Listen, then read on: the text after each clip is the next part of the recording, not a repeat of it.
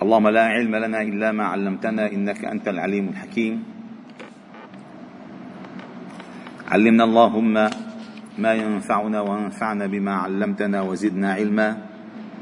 واجعلنا ممن يستمعون القول فيتبعون أحسنه.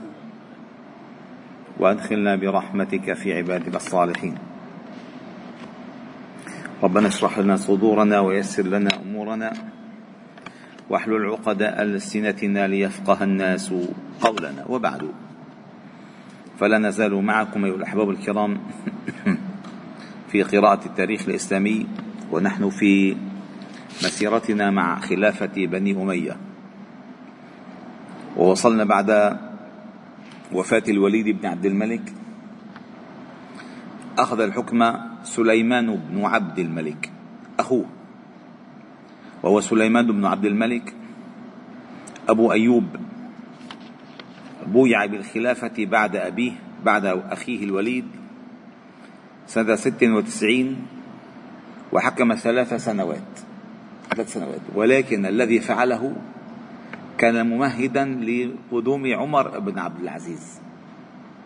فسترون ذلك. وكان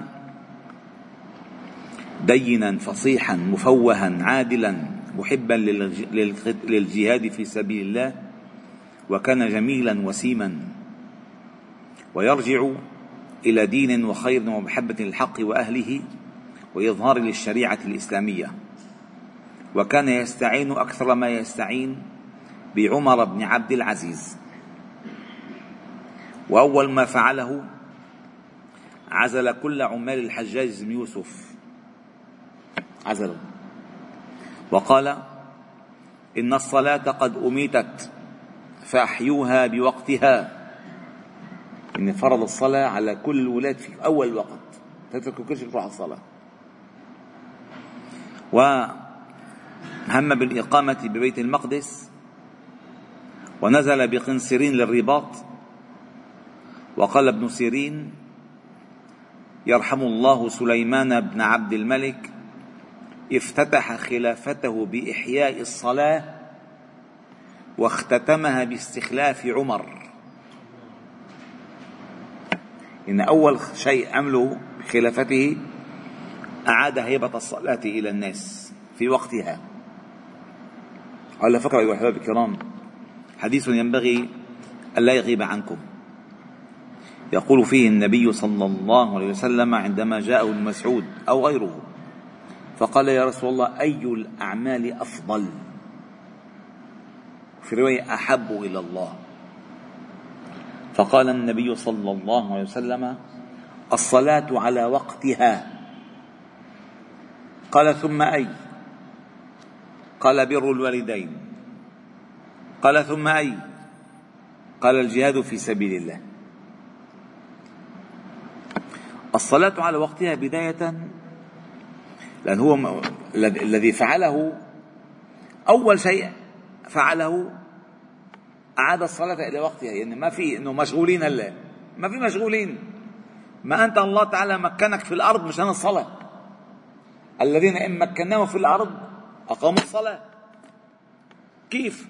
تمكنه تخرب الصلاة؟ فقال ابن سيرين رحمه الله قال افتتح رحم الله سليمان بن عبد الملك افتتح خلافته بإحياء الصلاة أي على وقتها واختتمها باستخلاف عمر. وكل البركة في المحافظة على الصلاة على وقتها. ليش؟ لأن لما يؤذن للصلاة عندما ينتهي الأذان أنت المطلوب أن ترى في الصلاة لأن هو استجابة فإذا صليت الصلاة على وقتها بورك لك في كل الوقت بعدها. وإذا أخرت الصلاة إلى آخر وقتها كل هذا الوقت لا بركة فيه ولا نفع فيه ولا خير فيه. على وقتها. لأن الله قرن حركة الكون بالصلاة. فقال أقم الصلاة لدلوك الشمس إلى غسق الليل وقرآن الفجر. فعند التغير تغير الميقات من وقت لوقت. أنت بتكون عم تمضي عم تمضي. أنا في صلاة. أنا في صلاة. وما فاته فاتته الصلاة أول وقت فاتته البركة. الصلاة ما فاتته لأنه ما دخل الوقت الثاني. وفاتته بركة الصلاة. وثمرة الصلاة. وكانت سياسته العامة اتسمت بالوداعة وإيثار السلامة والعافية وأخذ رأي أهل العلم والفضل من باب إحياء العمل بالشورى والتمسك بتعاليم الدين الحقيقية والتي وضحها في خطبته التي خطبها بعد استخلافه وقال فيها أيها الناس شوفوا الكلام ده عميق قال أيها الناس اتخذوا كتاب الله إماما وارضوا به حكما واجعلوه قائدا فإنه ناسخ لما قبله ولن ينسخه كتاب بعده. أيها الناس جعل الله الدنيا دارا لا تقوم إلا بأئمة العدل ودعاة الحق. وإن لله عبادا يملكهم أرضه ويسوس بهم عباده ويقيم بهم حدوده ورعاية عباده. ولولا أن الخلافة تحفة من الله كفر بالله خلعها لتمنيت أني كأحد المسلمين يضرب لي بسهم. يعني خلص وصلتني. ما فيني أطلع من الموضوع ابدا. قال فعلى رسلكم بني الوليد فإني شبل عبد الملك وناب مروان لا تطلعني حمل النائبة ولا يفزعني صريف الأشفر. يعني لن أتغير ولن اتبدل وسأثبت على الحق. وقد وليت من أمركم ما كنت له مكفيا وأصبحت خليفة واميرا وما هو إلا العدل أو النار. فمن سلك المحجة حوذي نعل السلامة ومن عدل عن طريق وقع في وادي الهلكة والضلالة. ألا؟ إن الله سائل كلا عن كل. فمن صحت نيته ولزم طاعته كان الله له بصراط التوفيق وبرصد المعونة. فكتب له سبيل الشكر والمكافأة فاقبلوا العافية فقد رزقتموها والزموا السلامة فقد وجدتموها. فمن سلمنا منه سلم منا. اللي ما بنغلط ما بنغلط معه. فمن فمن سلمنا منه سلم منا. ومن تاركنا تاركناه. ومن نازعنا نازعناه. حكم.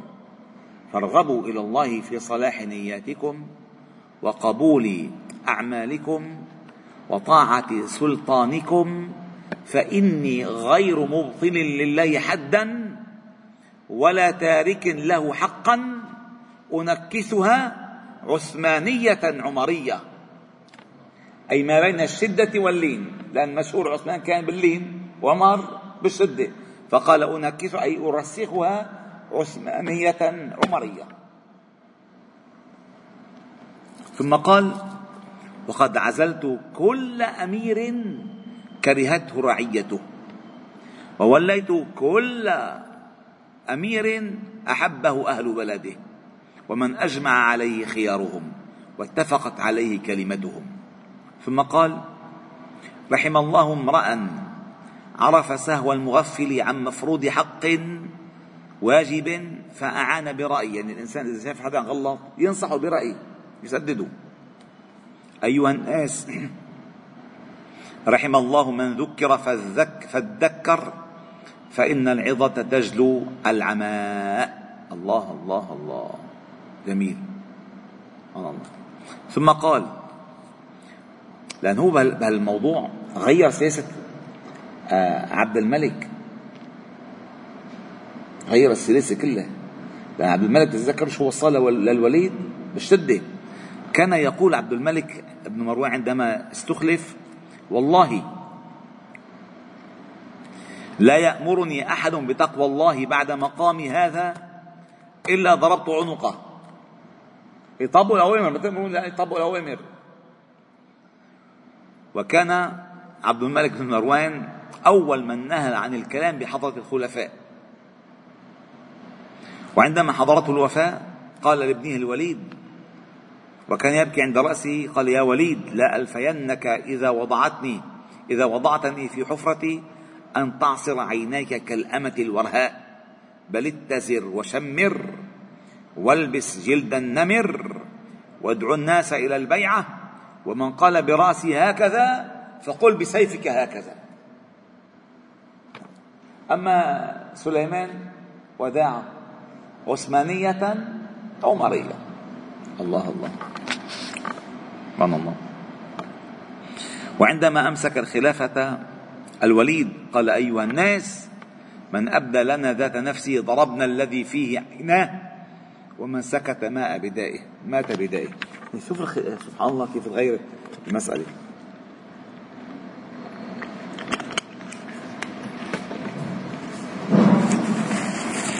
وكان يختار الولاة على حسب الكفاءة والديانة. وكان يستشير العلماء والنصحاء من ذوي الخبرة. ومن أهم من كان يستشيرهم رجاء بن حياة الكندي. وكان من كبار العلماء. من كبار العلماء. الله. ومرة ولى على اليمن اسمه عروة بن محمد بن عطية السعدي. وكان من الزهاد. وكان كذلك ولي اليمن في عهد عمر بن عبد العزيز ويزيد بن عبد الملك. عم أعطيك مثل أنه كيف كان يختار. فاختاروا ولي على اليمن فقضى في عهده وعهد عمر وعهد يزيد. رفض الكهرباء الحمد لله. فقال اسمعوا فقال فولي فولى ولي اليمن وخرج من اليمن وما معه إلا سيفه ورمحه ومصحفه. وقال لأهل اليمن يا أهل اليمن هذه راحلتي.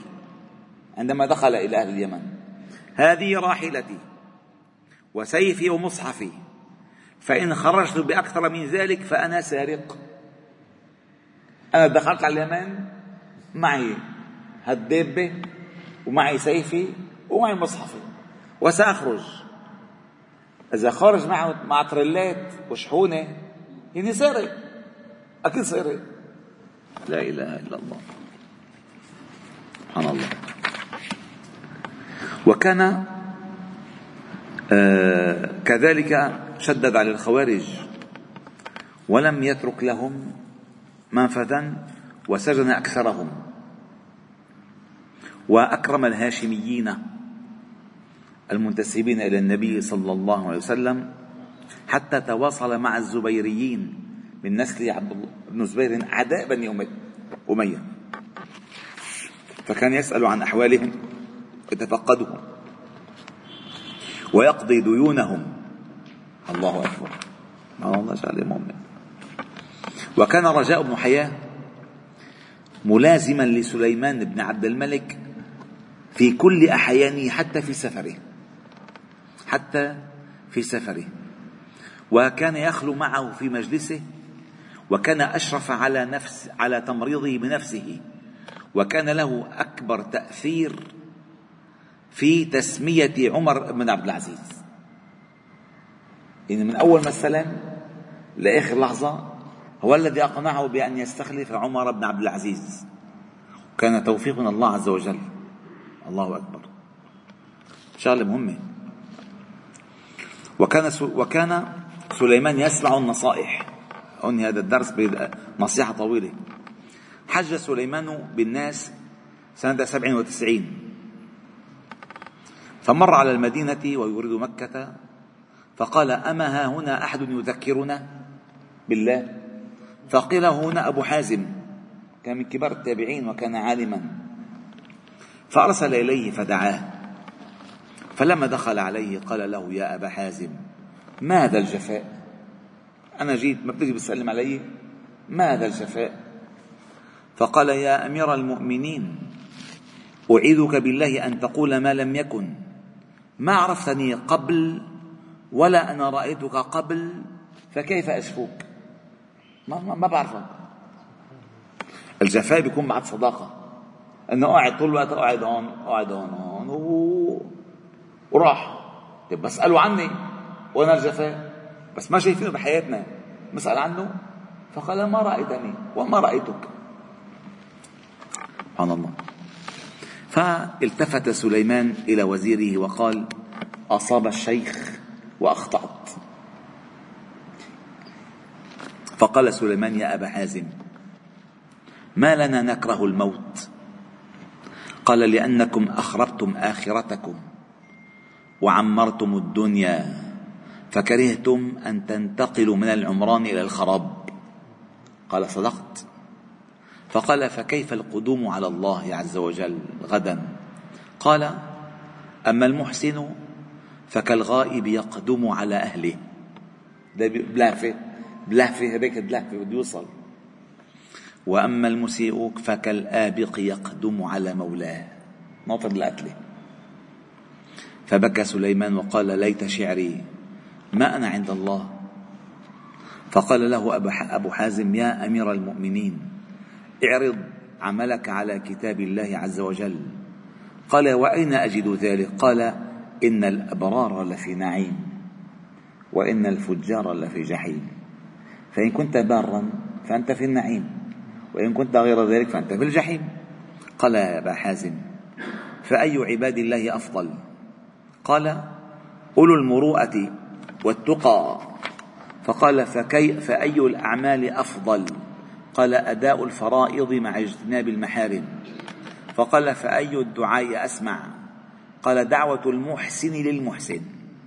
واحد هو محسن ويدعو للمحسن.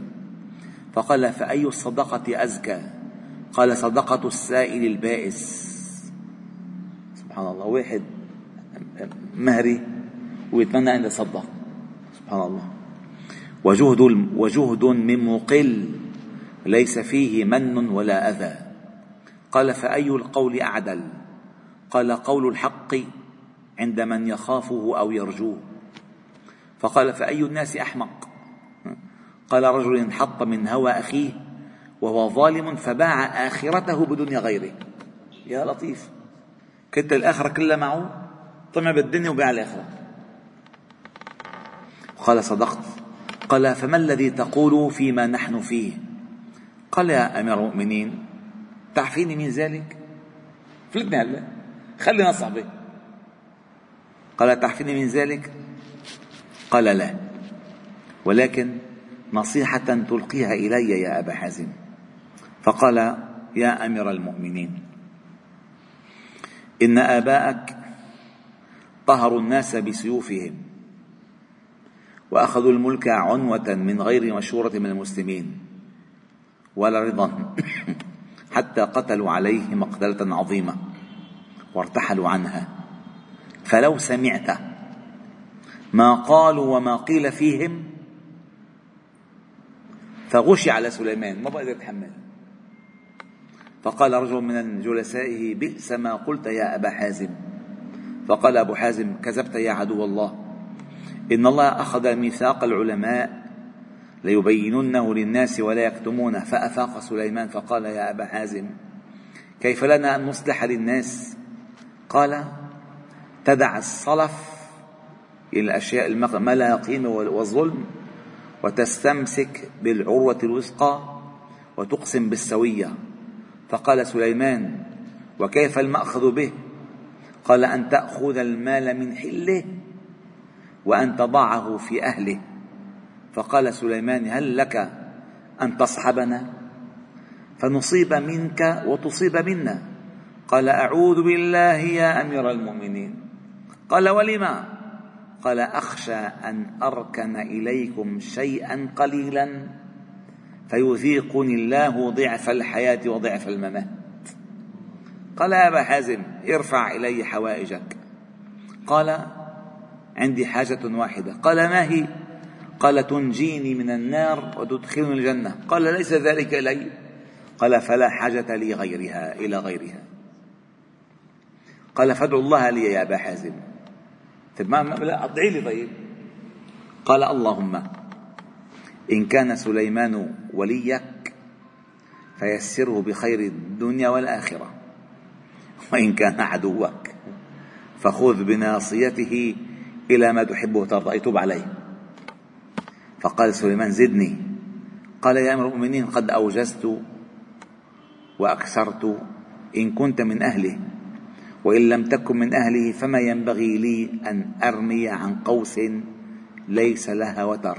حاجة يحكي الحكي شو بفيد فقال أوصني يا أبا حازم.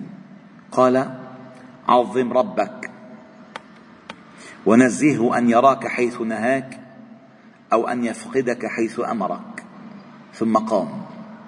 فبعث إليه سليمان بمائة دينار. وكتب إليه أن أنفقها ولك مثلها كثير. فردها عليه. وقال له يا أمير المؤمنين أعوذ بالله أن يكون سؤالك إياي هزلا وردي عليك باطلا والله ما أرضاها لك فكيف أرضاها لنفسي؟ بفضل معك.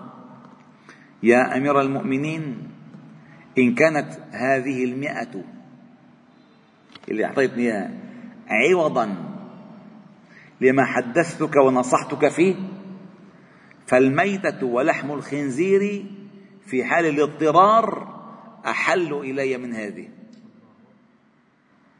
بدي أخذ ثمن وعظي ونصيحتي وإن كانت هذه حقا لي في بيت المال فلي فيها نظر.